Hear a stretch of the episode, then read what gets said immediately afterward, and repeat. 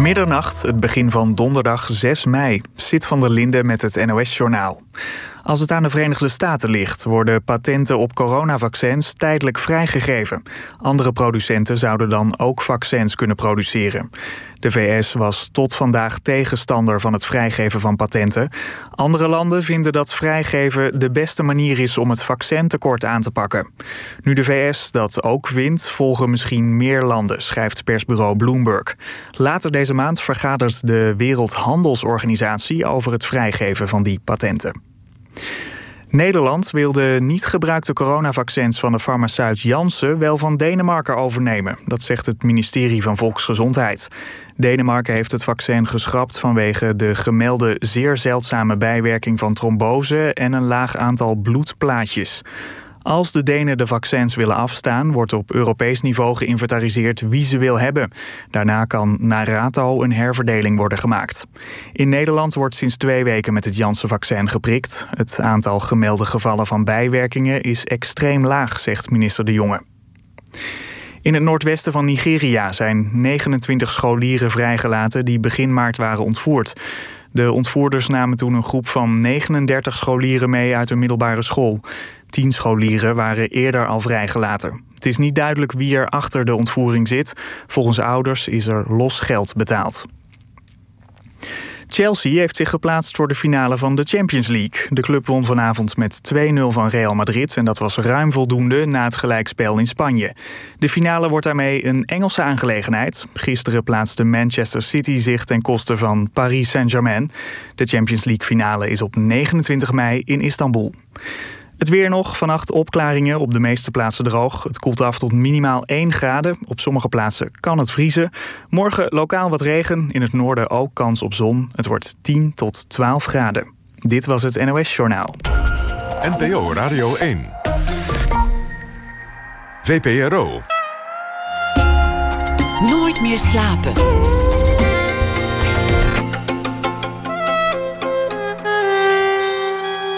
Met Pieter van der Wielen. Goedenacht en welkom bij Nooit meer slapen. Het einde van 5 mei. We vierden de vrijheid. Niet te uitbundig natuurlijk, dat mag allemaal niet meer van de baasjes. Maar desalniettemin, vrijheid is belangrijk. Wat is dat eigenlijk, vrijheid? Annelien de Dijn is hier. Zij werkte tien jaar aan haar boek Vrijheid, een woelige geschiedenis.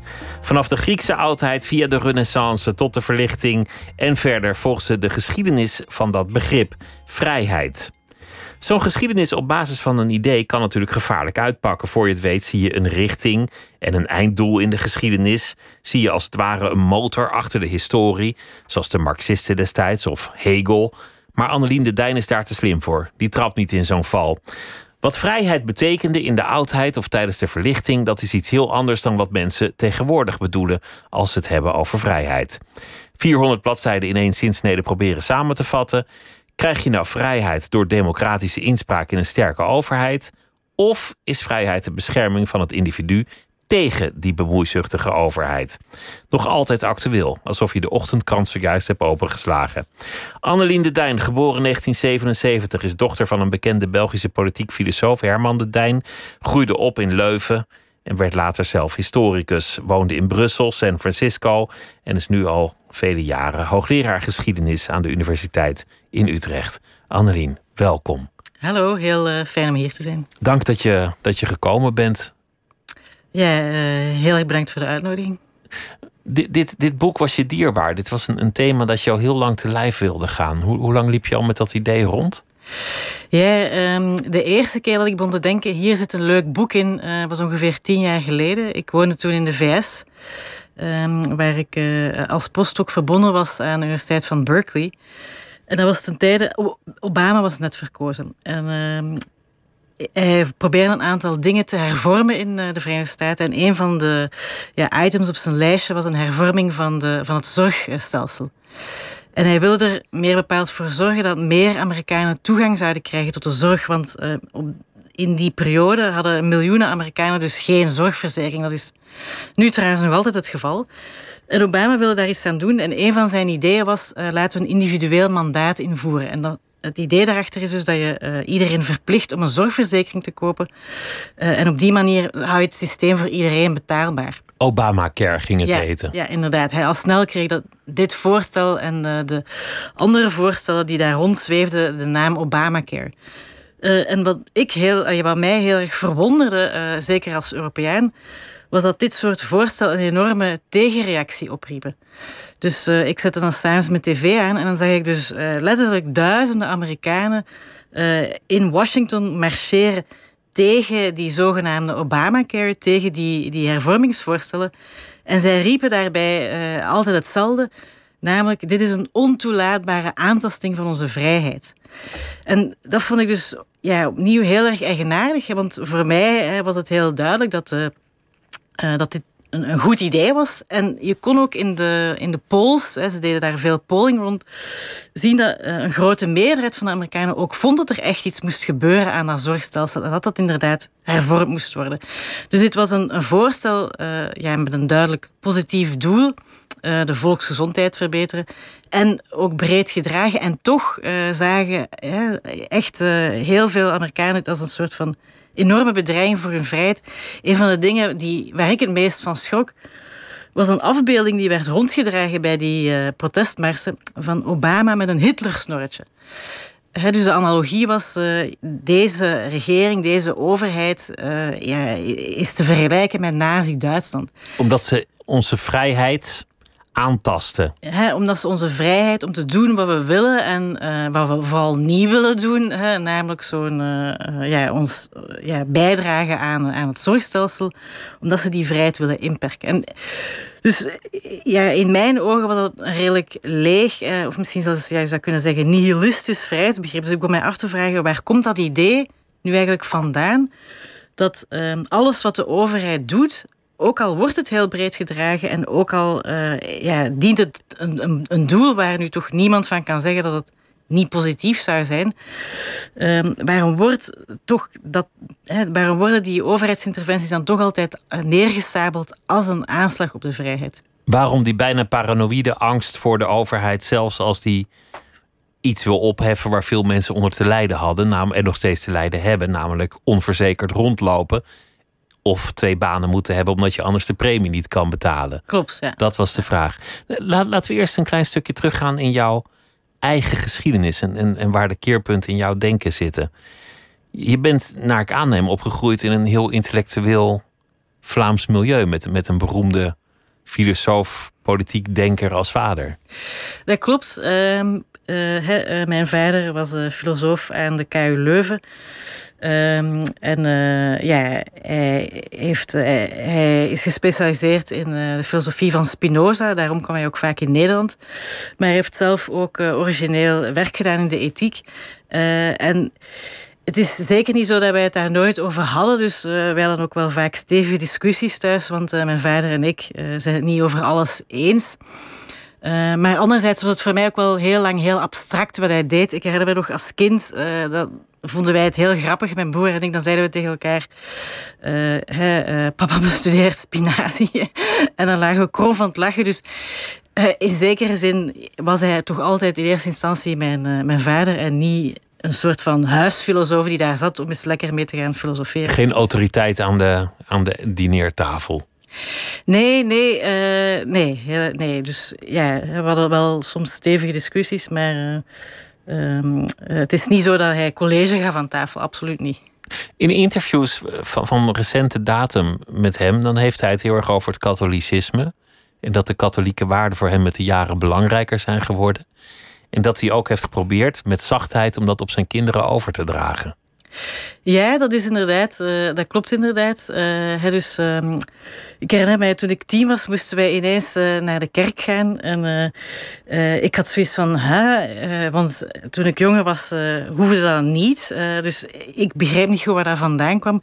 En ik moet zeggen dat die poging ehm, bij mij dan toch alleszins niet erg heel goed is gelukt. Want ik heb ondertussen ook uitgeschreven uit de katholieke kerk.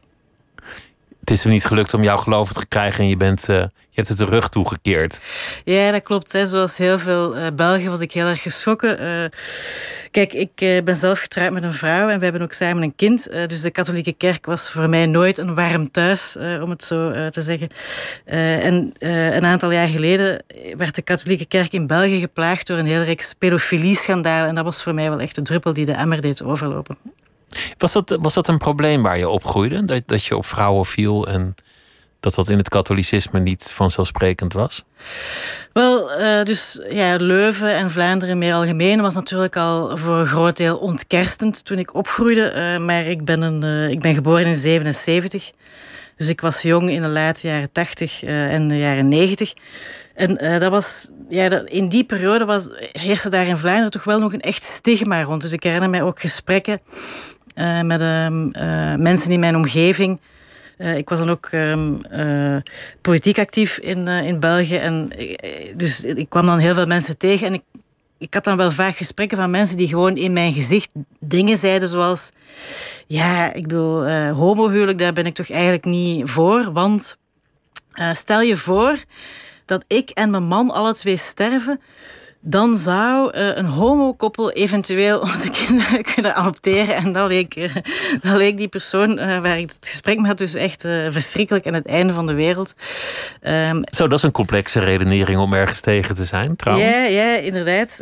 ik, ik weet niet wat die mensen achter mijn rug zeiden. Dat was waarschijnlijk iets minder onverbloemd. maar ik zal maar zeggen, homofobie, homofobie was in het België van de jaren tachtig nog volledig acceptabel. Heb je ooit conflicten gehad met, met je vader over, over dat soort dingen? Nee, en achteraf gezien denk ik dat ik daar misschien meer uh, het conflict over had moeten opzoeken. Uh, want mijn vader uh, is dus niet alleen filosoof, maar omschrijft zichzelf ook als een conservatieve filosoof. en in die hoedanigheid schreef hij ook wel krantenartikelen waarin hij dus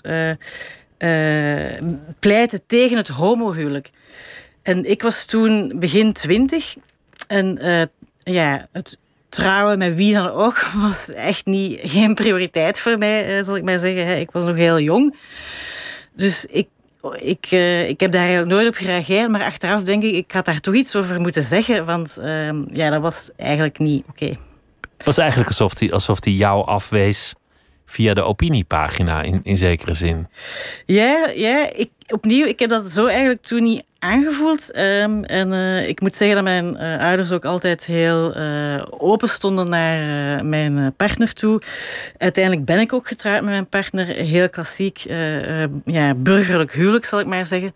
en daar hebben mijn ouders de helft van betaald. Ook weer heel klassiek en burgerlijk. Dus het is allemaal wel goed gekomen. Maar achteraf gezien ja, denk ik van, ja, ik had, ik had daar toen toch meer iets over moeten zeggen. Maar uh, het is ja, moeilijk om op te komen voor jezelf in een omgeving die, die ja, hoe jij bent gewoon volledig afwijst. Heb je je verzet tegen je vader? Heb je, heb je keuzes gemaakt in je leven juist uit rebellie? Wel, dat denk ik altijd. Uh, maar achteraf gezien zijn die uh, rebellies toch altijd uh, heel erg klein gebleven. bijvoorbeeld, ik ben geschiedenis gaan studeren. Uh, omdat dat in mijn ogen een studie was die heel ver afstond van filosofie. Ik dacht, ik ga het helemaal anders doen. dat dacht ik inderdaad. Ik had zoiets van, ik ga harde feiten bestuderen. Ik ga archiefwerk doen en uh, die uh, ideetjes en filosofietjes. Hè, dus dat is niks voor mij. En oké, okay, kijk, x aantal jaar later moet ik vaststellen dat ik exact hetzelfde doe als mijn vader. Dus ik stel me wel eens de vraag hoe vrij ik dan ben geweest in mijn eigen beroepskeuze. Dat is ook een vorm van vrijheid, hè? Vrijheid ten opzichte van jezelf, vrijheid ten opzichte van je eigen denken. Dit gaat over politieke vrijheid, het boek, maar je kan het natuurlijk ook zien als vrijheid binnen je eigen persoon vinden. Ja, inderdaad. Kijk, ik denk dat er een soort van basale definitie is van vrijheid. vrijheid wil zeggen kunnen doen wat je wil. Uh, en dat klinkt heel eenvoudig en vanzelfsprekend, maar als je daar even over verder redeneert, dan merk je al snel dat er eigenlijk niks eenvoudig en vanzelfsprekend aan is. Uh, als we kijken naar de politieke context, dan is doen wat je wil heel ingewikkeld, want wij leven nu eenmaal samen met andere mensen en ons gedrag affecteert altijd andere mensen. Dus hoe kunnen we dan toch nog blijven doen wat we willen? Uh, hè, dus zonder dat we daarmee alles in chaos en anarchie doen veranderen. Maar ook is die vraag, hoe kan je doen wat je wil en wat je echt wil en in die zin vrij zijn in je persoonlijk leven een heel moeilijke vraag. Want in hoeverre zijn wij inderdaad vrij om te doen wat we willen? Uh, want ja, in, in, welke, of in welke mate worden wij gedetermineerd door krachten die in zekere zin buiten ons staan. zoals bijvoorbeeld onze biologie of onze opvoeding. Uh, dat is het klassieke nature-nurture debat. Maar welke van die twee kanten je ook kiest, um, ja, het blijven toch dingen die in zekere zin extern zijn aan jou en die een grote stempel drukken op je leven. Die maken dat alles wat jij doet misschien wel niet strikt objectief jouw keuze is gebleven. Ja, dus dat, dat vind ik ook een heel interessante vraag. Dus in hoeverre is wat wij doen echt onze keuze? Uh, en in hoeverre is dat iets dat, dat gedetermineerd wordt door andere krachten? Uh, maar daar heb ik dus uh, geen boek over geschreven. Maar nu dat we erover bezig zijn, denk ik dat het misschien wel leuk zou zijn om dat ook eens te doen. Om dat ook te onderzoeken. Je, je, je vader schreef in, ik, ik meen zijn laatste boek over rituelen. Ik las een interview met hem en hij zei: Rituelen hebben we nodig om betekenis te geven aan ons bestaan. En hoewel hij zich in een andere hoek begeeft en veel religieuzer is, vond ik het toch een heel mooi en elegant betoog. Hij zei: Je hebt begrafenissen nodig, bruiloften nodig, uh, een, een afstuderen, een doop, maar ook, ook de zondagsrust. Ga ze maar door. Hij zei: Rituelen geven betekenis en richting aan ons bestaan. En het, het mooie aan die gedachte is dat je er natuurlijk helemaal niet echt een religie bij nodig hebt. Ben je, ben je zelf iemand nog van rituelen? Is dat nog, nog bij je? Uh, ja, en ik vind dat zelf dus ook een, uh, een, interessante en plausibele gedachte. Dus om ja, een voorbeeld uit mijn eigen leven te nemen. Dus ehm, toen ik met mijn huidige vrouw trouwde, wij zijn eigenlijk getrouwd om allerlei praktische redenen. En ik dacht niet dat het, het afsluiten van zo'n huwelijk voor mij belangrijk zou zijn. Um, maar toen ik daar dus stond voor de burgemeester, eh, natuurlijk niet in een kerk, maar wel in een, in een mooi stadhuis. Hè. Leuven is een mooi oud stadje waar ik getrouwd ben. Ja, toen voelde ik me dat, dat me dat echt wel iets deed. En dat dat, dat dat dus een ritueel is, inderdaad. Dat een betekenis gaf, een extra dimensie gaf aan mijn relatie. Het feit dat ik dus openbaar kon zeggen en dat ik dat ook kon laten optekenen door iemand officieel, uh, namelijk de eerste schepen van Leuven. en ja, ik merk dat dat echt een, een verschil maakt. Dus op zich denk ik dat daar inderdaad zeker iets in zit. In die gedachte, maar waar ik het natuurlijk minder mee eens ben, of, is dat we dus traditionele instellingen nodig hebben voor rituelen. Ik vind het in mijn eigen leven heb ik gemerkt dat het juist heel makkelijk is om je eigen rituelen te creëren. Zonder, zonder die exclusie die bij oude instanties kan horen. Ja, inderdaad. Hè. Dus uh, uh, ik heb de katholieke kerk nooit nodig gehad voor, uh, ja, om de belangrijke momenten in mijn leven te markeren. En gelukkig, want um, ja, de kerk staat daar in mijn geval ook niet voor open. Je, je, vertelde dat je in, in Amerika zat en dat dat de inspiratie was voor dit boek. Is jouw denken over vrijheid veranderd in, in de loop der jaren? Heb je, heb je zelf een andere gedachte gekregen over wat vrijheid is en zou moeten zijn? Ja, uh, wat ik vooral heb bijgeleerd in Amerika is hoe belangrijk de economische dimensie van vrijheid is. Ik ben uh, zelf nogal een kind, uh, zei ik daarnet ook al, van de jaren 80 en 90.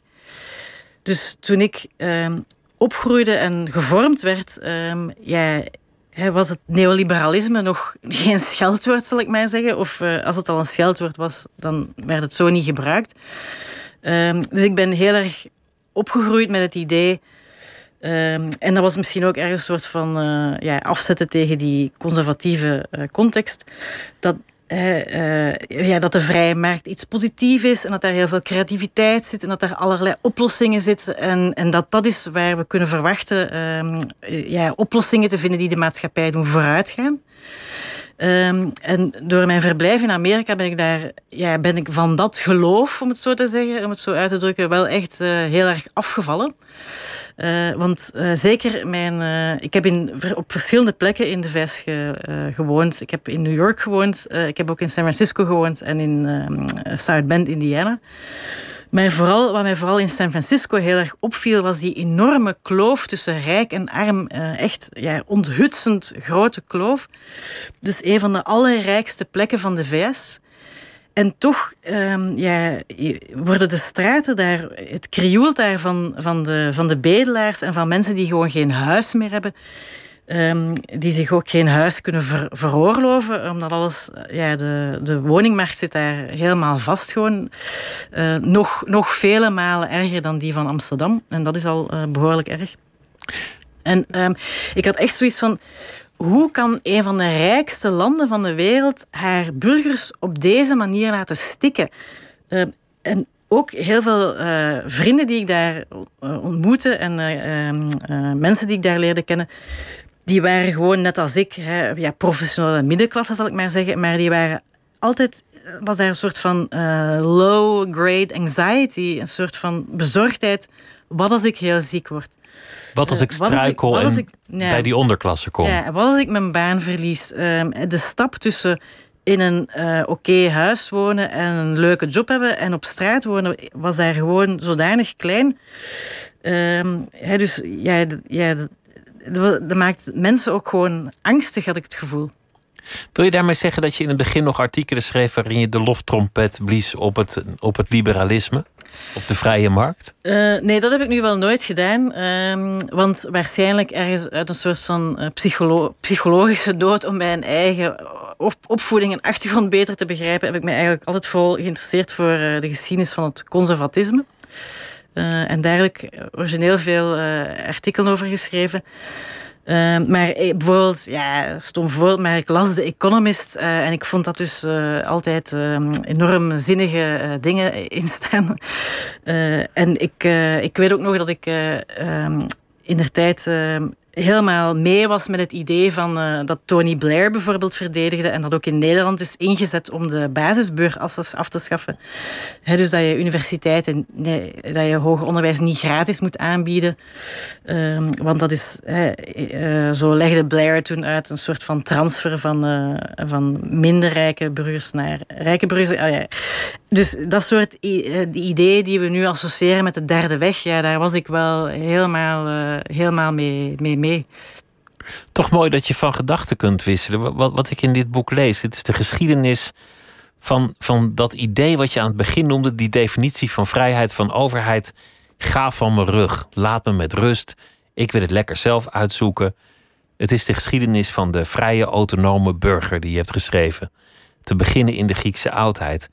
Maar, maar er lijkt ook een soort verontwaardiging ergens onder te zitten. Alsof ons een, een dieper idee van vrijheid is afgenomen.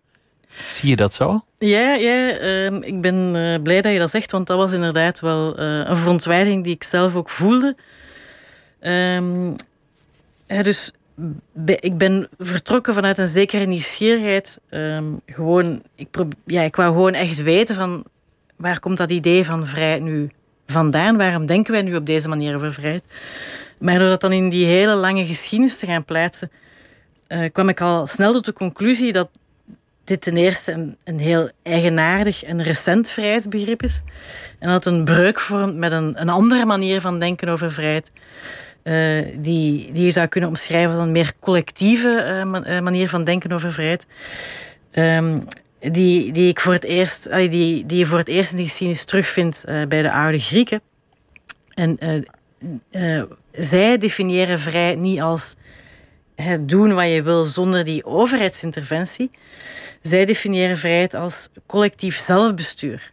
Collectieve vrijheid. Collectieve vrijheid, ja. Niet individuele vrijheid. Ja, en dus uh, het idee van die oude Grieken was...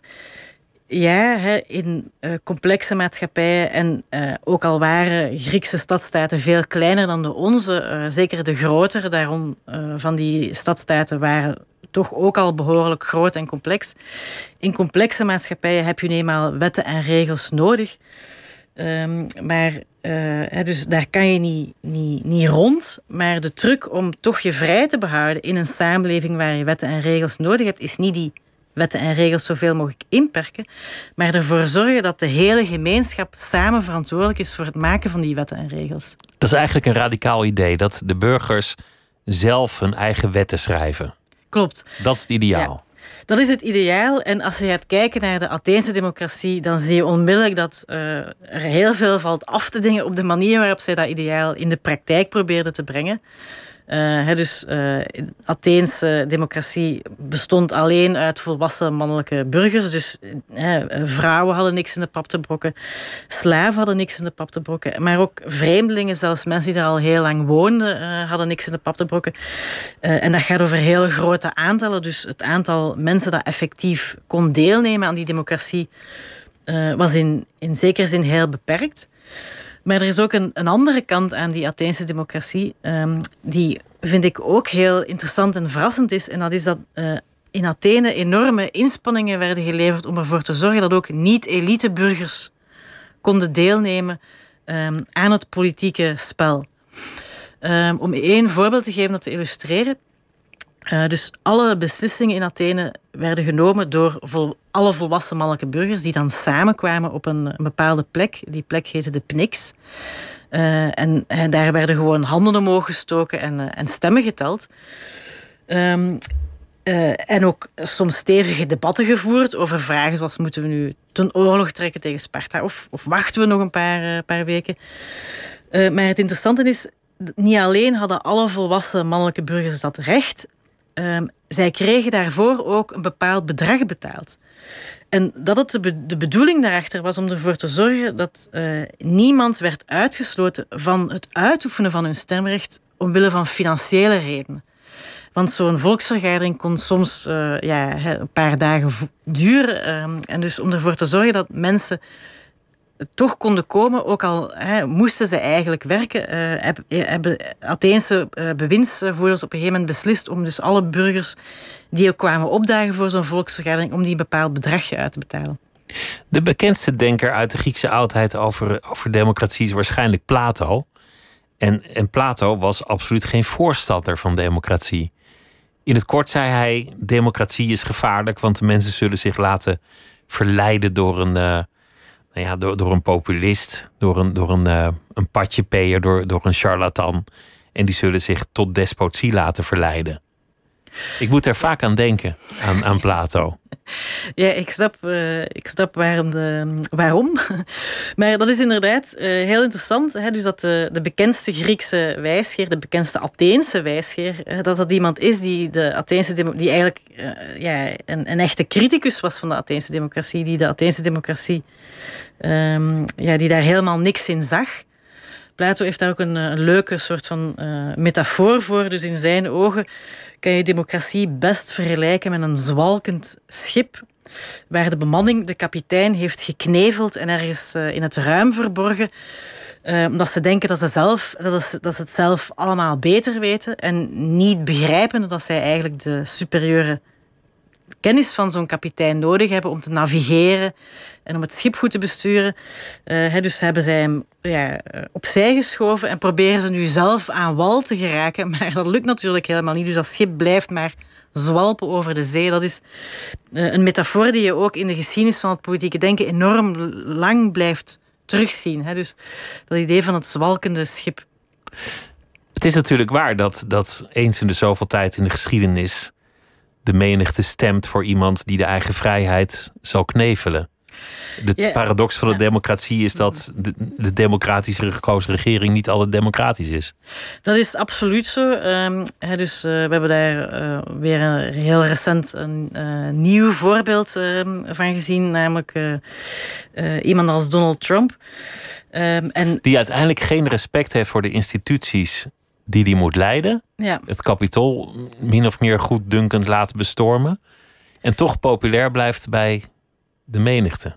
Ja, dat is inderdaad uh, een heel interessante observatie. En uh, uh, we kunnen ook ook in het verleden zijn dingen gebeurd die daar uh, op lijken, hoewel uh, ja, in andere opzichten dan ook weer helemaal niet. Maar wat ik denk dat we ook niet uit het oog mogen verliezen als we naar dat voorbeeld van Donald uh, Trump kijken, is dat uh, Trump enorm heeft geprofiteerd. Kijk, die angst voor dus de populistische demagoog, die heeft hele diepe wortels in het westerse politieke denken. We hebben het net gehad over Plato. Um, en die angst die die blijft uh, heel erg leven doorheen. Dus ook in de 17e, 18e eeuw waren mensen zich al, al zorgen over aan het maken. Dus het grappige is, ehm, in, in het westerse politieke denken maken mensen zich al zorgen over zo'n populistische demagoog en over de opkomst van populisme, zelfs voor de invoering van de democratie zelf. Het was een argument om maar even te wachten met democratie. Klopt. En dat argument heeft ook uh, de makers van bijvoorbeeld de Amerikaanse constitutie beïnvloed. En in de context van de late 18e eeuw was de Amerikaanse grondwet behoorlijk democratisch. Uh, hè, ja, zelfs heel democratisch zou je kunnen zeggen. Maar toch hebben de, uh, de founding fathers daar een aantal antidemocratische elementen in ingebouwd. Bijvoorbeeld het Electoral College, uh, bijvoorbeeld het feit dat, die, uh, dat in de Senaat rurale staten oververtegenwoordigd zijn en rurale gebieden.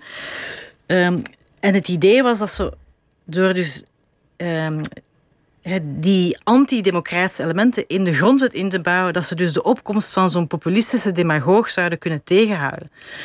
Maar het grappige is, of het interessante is, dat Donald Trump juist heel erg heeft geprofiteerd van die antidemocratische elementen. Van, in van die rurale electoraten van, bijvoorbeeld. Van die oververtegenwoordiging van het rurale electoraat. En ook heel erg uh, van het bestaan van het Electoral College. Um, en je ziet ook dat uh, Trump uh, heel erg heeft ingezet op het uh, versterken en het naar de Republikeinse partij toetrekken van een ander antidemocratisch element in de Amerikaanse constitutie. En dat is de Supreme Court. Dus in de, de, Supreme Court wordt op dit moment volledig gedomineerd door Republikeinse, door ehm, opperrechters met een Republikeinse signatuur. Dus het is heel interessant om, om nu te zien wat daarmee gaat gebeuren.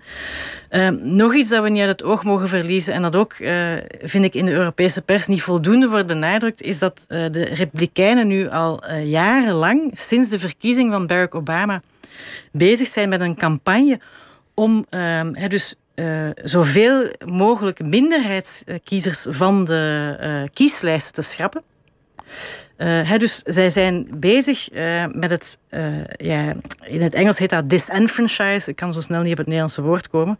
Maar barrières opwerpen voor zwarte kiezers om te stemmen. Ja, niet alleen. Bijvoorbeeld ja. dat je een rijbewijs moet hebben in sommige districten. Ja.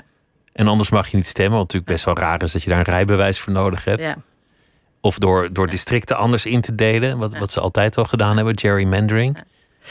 En de reden waarom ik dit allemaal ter sprake breng is omdat ik snap waarom mensen uh, de opkomst van iemand als Trump zien als weer een voorbeeld van zo'n populistische demagoog. En uh, ja, had Plato dan toch geen gelijk? Hè, dus moeten we niet gewoon de macht aan een filosoof-koning of een klein select clubje van, uh, van filosoof-koningen geven? Maar je kan het verhaal van Trump ook op een heel andere manier lezen, namelijk als de uitkomst van een, een poging in de Verenigde Staten, een partij in de Verenigde Staten die een duidelijke minderheid van de bevolking vertegenwoordigt, om zich krampachtig vast te houden aan de macht. En daarbij allerlei middelen in te zetten die dus antidemocratisch zijn in de meest letterlijke zin van het woord. Namelijk, ze willen de macht houden in de handen van een minderheid. Dus het is niet een argument tegen de democratie, maar een argument dat mensen de democratie saboteren. Voor wie dit inschakelt, Annelien de Dijn zit uh, tegenover mij. Zij is hoogleraar geschiedenis en heeft een boek geschreven, Vrijheid, een woelige geschiedenis. Ik zei al in mijn inleiding, als je zo'n geschiedenis van een idee beschrijft, dan gaat dat in de historie van de geschiedschrijving vaak mis.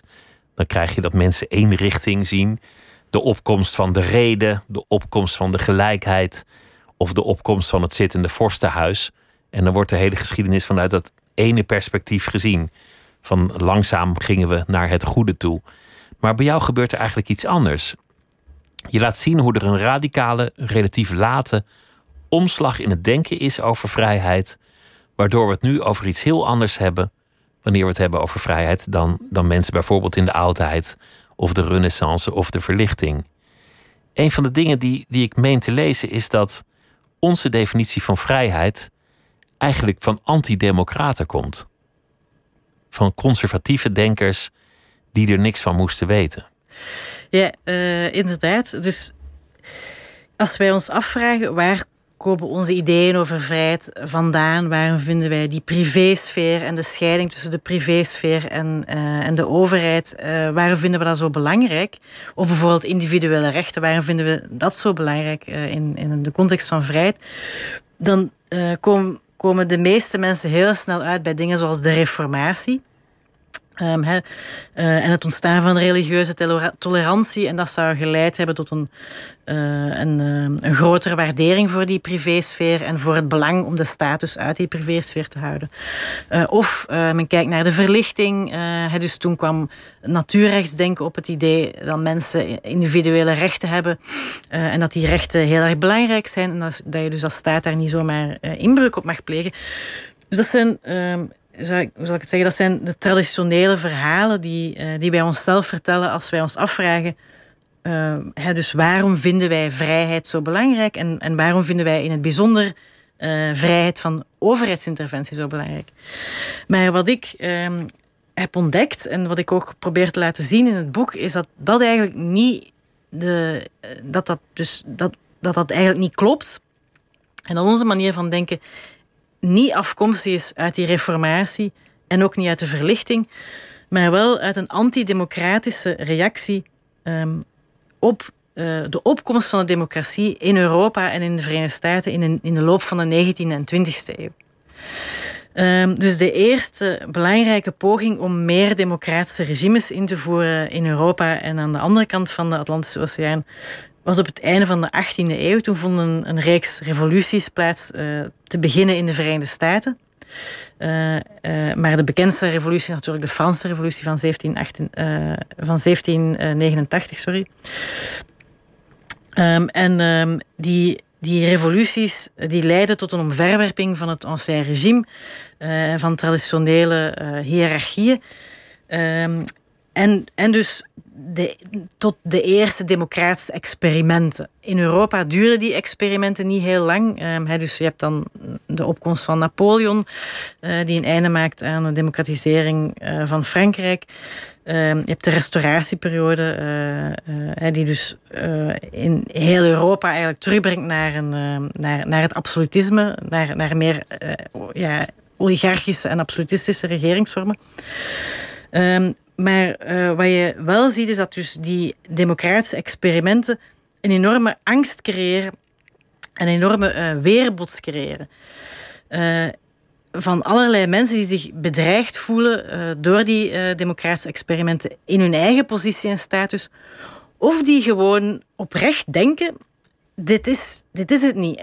Die dus gewoon oprecht, net zoals Plato dat ook oprecht dacht, dachten we moeten hiermee stoppen. Uh, democratie kan tot niks goeds leiden. Die denken het gepeupel krijgt het nu voor het zeggen. Ja. Ik moet zorgen dat ik mij wapen tegen die overheid en zorg dat die overheid mij niks kan maken. Ja. Dat ze niet aan mij komen. Ja. En die, die, die conservatieve tegenbeweging.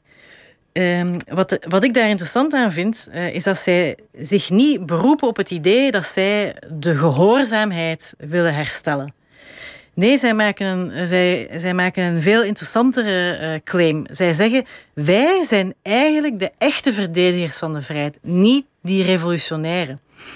Die revolutionairen zitten te roepen dat ze vrijheid voor iedereen willen. En daarmee bedoelen zij dat zij uh, democratie willen en volksbestuur. Maar in Frankrijk hebben we gezien waar dat toe leidt: anarchie, terreur, chaos. Um, dus maar als je echte vrijheid wilt, is dat dus niet de weg die je moet nemen. Als je echte vrijheid wilt, en dat wil zeggen gewoon uh, in, in alle rust uh, en in alle um, vrede kunnen genieten van, van je eigen leven en vooral van je bezittingen, ook niet onbelangrijk argument. Kortom, een kleine overheid met weinig ja slagkracht. Ja, dan, dan heb je geen democratie nodig, maar dan heb je dus een kleine overheid nodig. En dat idee is dus door het eerst naar voren geschoven uh, door uh, ja, mensen die reageerden tegen die Franse uh, en Amerikaanse revoluties. Maar dan zie je dat dat in de loop van de 19e eeuw al snel wordt opgepikt door een, een nieuwe beweging, de beweging van het liberalisme, waar bijvoorbeeld de VVD vandaag nog altijd de erfgenaam van is. Had je toen je daarachter kwam tijdens, tijdens die studie het idee verdorie, we, zijn eigenlijk een beetje gepiepeld. Ze zijn er met de definitie van doorgegaan. Er is ineens een hele andere definitie van vrijheid gekomen. Alsof de spelregels spontaan veranderd zijn. Ja, inderdaad. Um, uh, dus ja, toen ik al die stukjes van de puzzel bij elkaar begon te leggen, wat ik mij toen realiseerde was dat het uh, begrip vrijheid, uh, dat eeuwenlang werd ingezet om te pleiten voor emancipatie. Uh, emancipatie van gewone burgers, van tegenover politieke en later ook economische elites. Dat je ziet dat dat in de 19e eeuw wordt ingezet om een heel ander doel te bereiken, namelijk om die democratiseringsbeweging tegen te houden en te blokkeren in de naam van een ander ideaal, namelijk het ideaal van de vrijheid. Wat je net zei over de Griekse oudheid, dat mensen betaald werden om aan een stemming deel te nemen. Een, een andere vraag die daaronder zit, die ook de hele geschiedenis terugkomt, is: kan vrijheid bestaan zonder gelijkheid?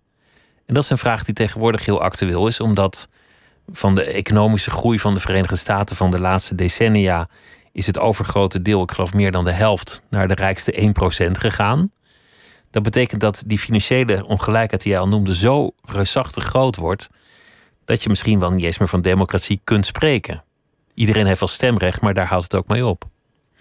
Ja, inderdaad. Dus um, ik denk dat de meeste mensen het er wel over eens zijn dat je om van een, een democratisch zelfbestuur te kunnen spreken, dat je daarvoor politieke gelijkheid uh, nodig hebt. Daar zijn we nu wel min of meer uit, behalve dan blijkbaar de Republikeinen in de Verenigde Staten.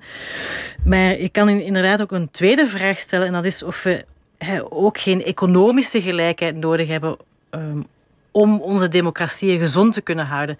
En het interessante is dat die claim um, al in de 17e eeuw uh, naar voren werd geschoven door een, uh, een, een, Britse denker, James Harrington heette die. Uh, die is vandaag vergeten. een beetje onterecht vind ik, want dat was echt een enorme, ehm, ja, een enorme pionier op heel veel vlakken. Um, dus hij was ook een van de allereerste denkers die een soort van materialistische Ehm, lezing van de politieke ontwikkelingen uh, bedacht. Uh, dus uh, een van Harrington's ehm, interessantste ideeën is dat um, in een politiek bestel de macht altijd de bezit, het bezit volgt. Dus de verdeling van het bezit gaat bepalen wat voor soort politiek systeem dat je hebt. en Harrington zelf zei dus dat concludeerde daaruit dat als je een democratie wilt, een goed functionerende democratie, dat, dat je dan ook een relatieve, een relatief gelijke verdeling van het bezit moet hebben. Hij had het niet over absolute gelijkheid, maar een soort van bandbreedte. Um, en, um, en wat hij uh, vooral benadrukte, was dat je ervoor moet zorgen dat je geen excessief rijke burgers hebt. Want wat gaan, excess, wat gaan extreem rijke mensen doen? Zij gaan hun economische macht gebruiken om de politieke gelijkheid ehm, te ondermijnen en, en dus je, je democratische bestuur te veranderen in een elitebestuur. Een gevaar dat al vaak beschreven is. Volgende week dan is het 200 jaar geleden dat Napoleon gestorven is. Toch ook een, centraal figuur in deze geschiedenis. Dat is één persoon die zoveel paradoxen bevat als het gaat over dit thema. De man van de revolutie die, die grondwetten heeft ingevoerd en die tegelijk de slavernij in ere heeft hersteld. Er wordt nu in Frankrijk enorm geworsteld. Moeten we die man herdenken? Hoe moeten we die man herdenken? Maar wat het volgens mij aangeeft is dat, dat je zelfs als je de geschiedenis van één idee volgt, zoveel paradoxen in partijen, personen en, en tijden kunt aantreffen. Was dat, was dat voor jou ingewikkeld om daar nog, nog, nog soep van te maken? Ja, um, wel, waar ik vooral heel erg mee heb zitten worstelen is. Um, uh, hoe komt het dat dus in die uh, oudere uh, ja, hoofdstukken, zal ik maar zeggen, of um, in, het, in het verdere verleden, hoe komt het dat dus zoveel mensen um, riepen om vrijheid uh, en, en in het bijzonder om democratische vrijheid. En tegelijkertijd um, er hun hand niet voor omdraaiden om uh, hun medeburgers in onvrijheid te laten. Dus dat is een, ja, dat is een soort van ja, paradox waar ik mijn hoofd wel over heb zitten breken. Dat is politiek, zou je kunnen zeggen. Dat je het een roept en het ander doet. Ja, en wel, er zijn een aantal lezingen uh, om dat uit te leggen. Uh, je zou kunnen zeggen, dit is pure kwestie van machtspolitiek. Um, en uh, zij geloofden eigenlijk zelf niet in hun eigen idealen. En dat was gewoon, ja, ze gebruikten die slogans van de vrijheid eigenlijk gewoon om, om hun eigen positie te verbeteren. maar hadden daarbij, hè, dus ja, dat was eigenlijk allemaal onderdeel van een soort van cynisch um, machtsspelletje. Maar dat vind ik persoonlijk eigenlijk geen plausibele uh, verklaring, want uh, je ziet dat in veel gevallen uh, revolutionaire ehm, uit ja, geledingen van de maatschappij kwamen die eigenlijk niet per se iets hadden aan, aan die revolutie en, en die hun positie daarmee niet per se verbeterden. Dus die, macht, die pure machtspolitieke uitleg, die cynische uitleg, vind ik, ja, vind ik eigenlijk niet heel overtuigend.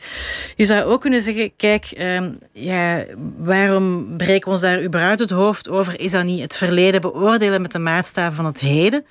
Maar als je gaat kijken in de bronnen, zie je wel dat er mensen waren, ook in de context van die tijd, die, die, die elkaar aanspraken op die hypocrisie. dus er zijn, we hebben, er zijn genoeg, er is genoeg gedocumenteerd dat Ehm, ook revolutionaire onderling ruzie maakte over de vraag: ja, we zeggen wel dat we eh, vrij willen zijn en niet meer de slaaf van George III of van, uh, van de Bourbons. Maar tegelijkertijd houden wij hier mensen letterlijk tot slaaf. Hoe kunnen we dat met elkaar rijmen? Dus je ziet dat ze elkaar daar wel op aanspreken. En dan vraag, dan vraag je toch af Um, ja, waarom bougeerde daar niet meer? Waarom duurde het in de Vrije Staten tot de jaren 1860 voor de slavernij werd afgeschaft en moest daar een, bloedige burgeroorlog aan te pas komen? Waarom duurde het in Nederland zo lang voor de uh, slavernij werd afgeschaft?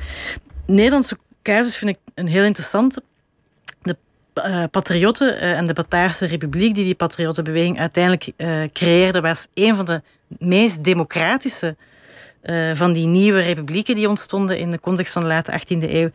En toch zie je dat er nauwelijks uh, discussie werd zelfs gevoerd over de vraag of Nederland ook misschien iets moest doen aan uh, haar rol in de slavenhandel.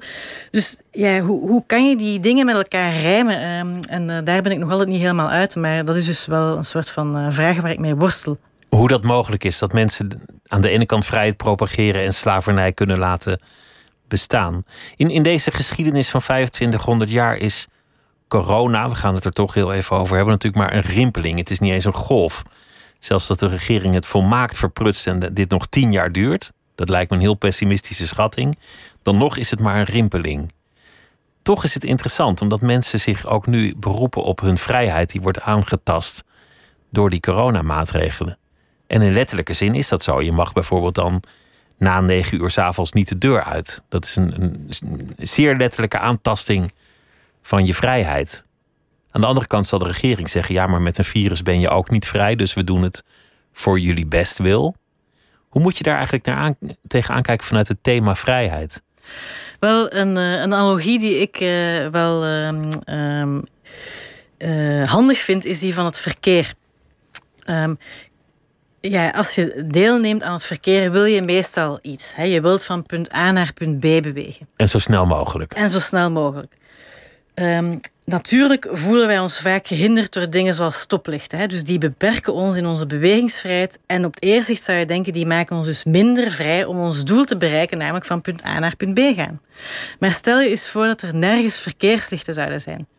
En uh, dat er ook gewoon geen verkeersregels zouden zijn. Het zou zo'n enorme chaos worden. We zijn gewoon met zoveel mensen die willen deelnemen aan het verkeer. Uh, dat je helemaal nergens meer zou geraken. Dus zonder die regels zou het ons helemaal niet lukken om ons doel te eh, bereiken en van punt A naar punt B uh, te bewegen.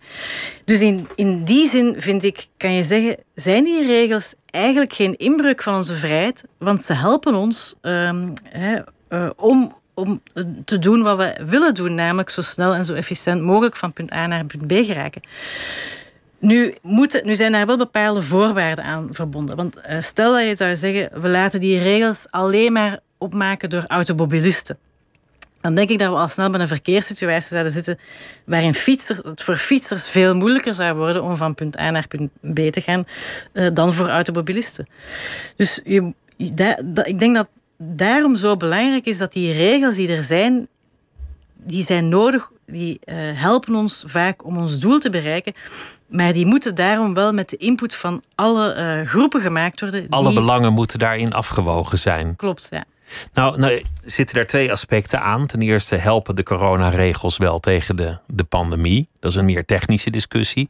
Bijvoorbeeld in het geval van de avondklok blijkt dat nog best ingewikkeld aan te tonen. Dat wordt een soort uh, loopgravenoorlog tussen, tussen wetenschappers en zelfbenoemde wetenschappers.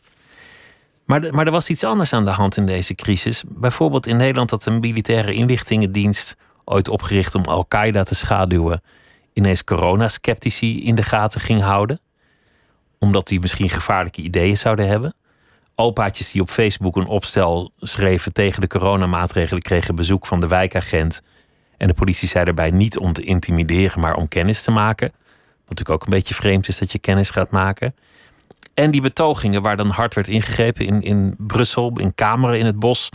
Er zijn afgelopen weekend een, een tiental jongeren het ziekenhuis ingeslagen door de politie. Die zelf overigens ook geweld hadden gepleegd naar de politie.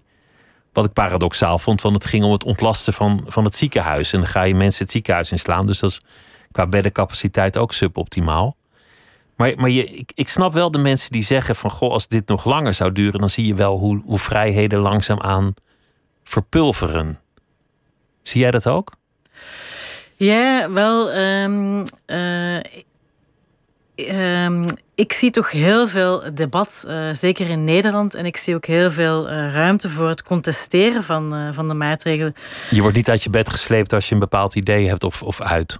Ja, klopt. Ja. Dus op zich ben ik uh, daar niet zo heel bezorgd over. Ook al omdat, zoals jij zelf ook zegt, uh, de coronacrisis van korte duur. Uh, ah ja, hopelijk, daar lijkt nu toch wel, um, daar lijken we nu toch wel. We lijken nu toch wel naar een post-lockdown samenleving. Heel zachtjes aan, aan evolueren te zijn.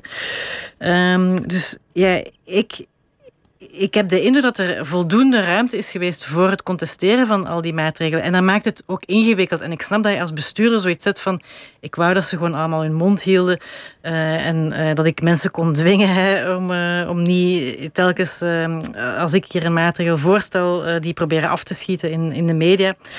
Um, dus ik kan me vanuit het perspectief van de bestuurder voorstellen... dat het een hele frustrerende en moeilijke periode is. Maar ik denk tegelijkertijd dat het wel heel belangrijk is dat die ruimte is blijven bestaan voor het contesteren van uh, maatregelen als dat nodig was. Want we hebben ook gezien dat op een aantal punten onze bestuurders zich hebben moeten, uh, hun kar hebben moeten keren. Dus niemand heeft alle wijsheid. Uh, en je Zoals hebt... in België, waar de rechter zei: er is helemaal geen legale basis meer. Dit moet overnieuw. Ja, precies. Dus uh, daar, daar, dient, of dat, dat is, daar dient rechtspraak niet voor, maar daar kan rechtspraak voor dienen. Dat je als, uh, als burger um, je overheid kan, uh, kan vragen om, um, om, om bepaalde beslissingen beter te onderbouwen. Um, en om de, de, de, noodzaak ervan aan te tonen. Dus dat zijn allemaal middelen die je kan inzetten als burger. De rechtspraak, maar ook gewoon straatprotesten en dergelijke. Die je kan inzetten om, om aan je overheid te vragen van bewijs ons dat die dingen die je ons vraagt om te doen en om de offers die je vraagt om, om, te, om te maken, dat die ook echt ja, hun nut hebben en dat die ons ook gaan helpen om dat doel te bereiken. Wat we met z'n allen willen bereiken, namelijk ervoor zorgen dat de ziekenhuizen niet omvervallen. Want over dat doel, denk ik, was er eigenlijk heel weinig contestatie. Iedereen, de meeste mensen waren het erover eens dat er iets moest gebeuren ja, dus tegen de je, pandemie. Je hebt natuurlijk de viruswaanzinnigen, je hebt uh, de corona-ontkenners. Uh, ja, die zijn er, hè, maar um, ik, ja, ik heb de laatste opiniepeilingen uh, niet in mijn vingers, maar um, als ik de krant lees, dan um, heb ik daar toch al duidelijk in zien staan dat een overgrote meerderheid van de Nederlanders uh, het ermee eens is dat het belangrijk is dat we ervoor zorgen dat de ziekenhuizen niet overvloeien uh, en dat we niet patiënten op, op de stoep zuurstof moeten geven. Ik denk dat je, dat je generaliserend kunt zeggen dat de meeste burgers in de meeste landen zich solidair hebben opgesteld naar andere burgers of de samenleving als geheel. De meeste mensen waren welwillend om aan maatregelen tegemoet te komen.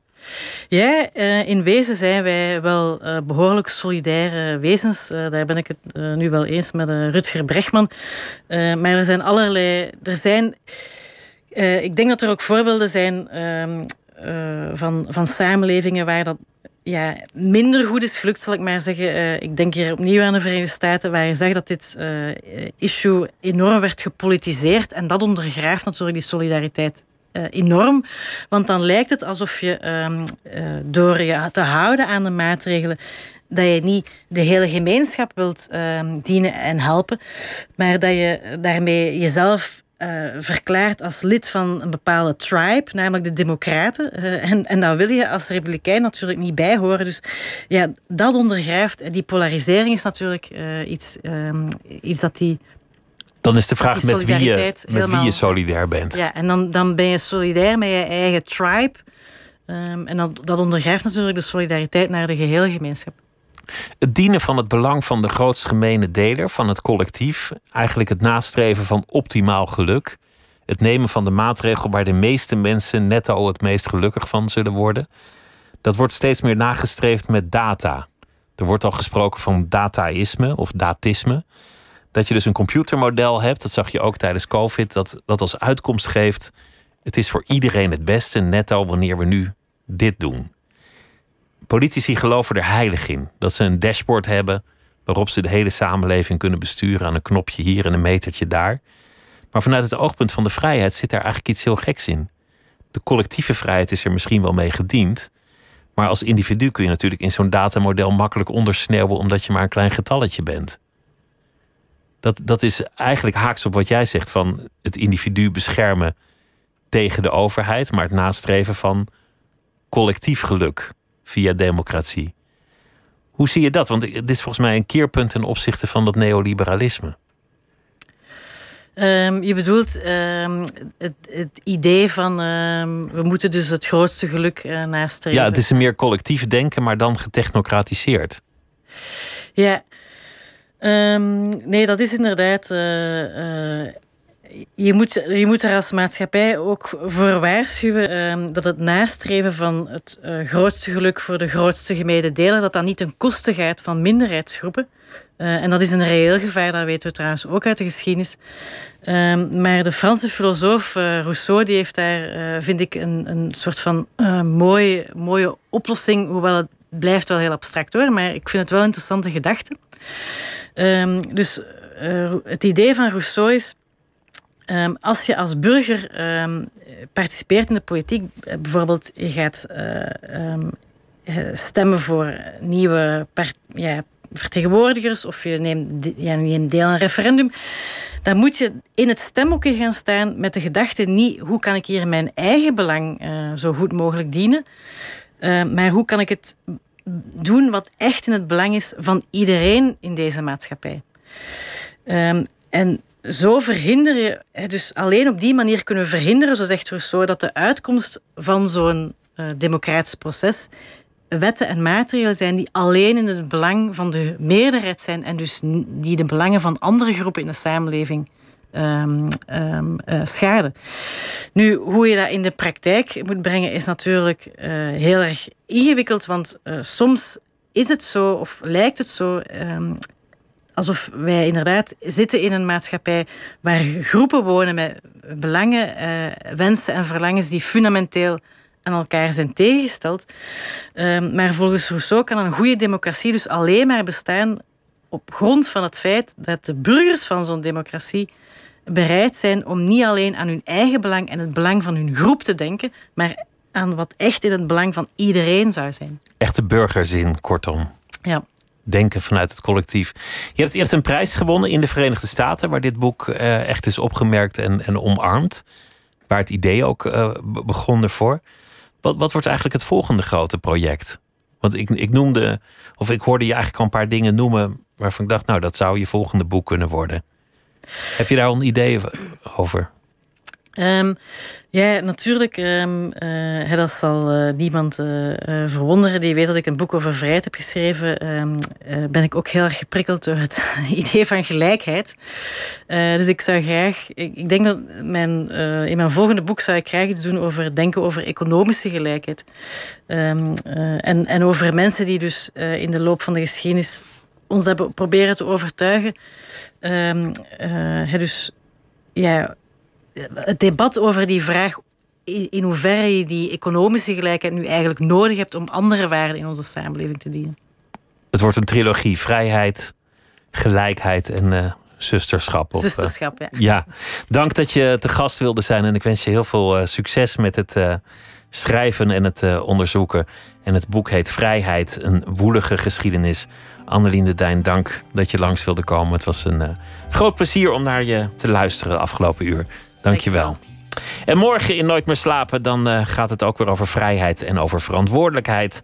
Klimaatactivist Marjan Minnesma die is hier te gast. Zij is de directeur van Urgenda en zij won een belangrijke rechtszaak tegen de Nederlandse staat. En ze heeft nu een boek uit met brieven tussen haar en Jan Terlouw. Dat allemaal morgen in Nooit meer slapen. Zometeen een Miss Podcast met Milou Brandt en Tim de Gier is daarin uh, te gast. Goeienacht, tot morgen.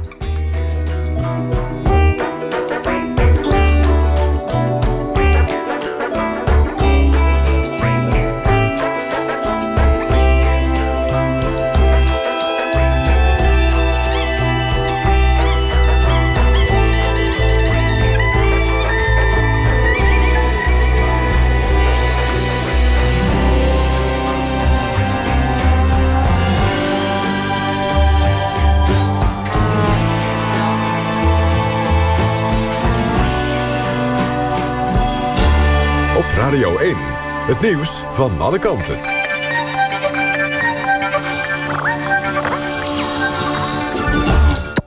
NPO Radio 1.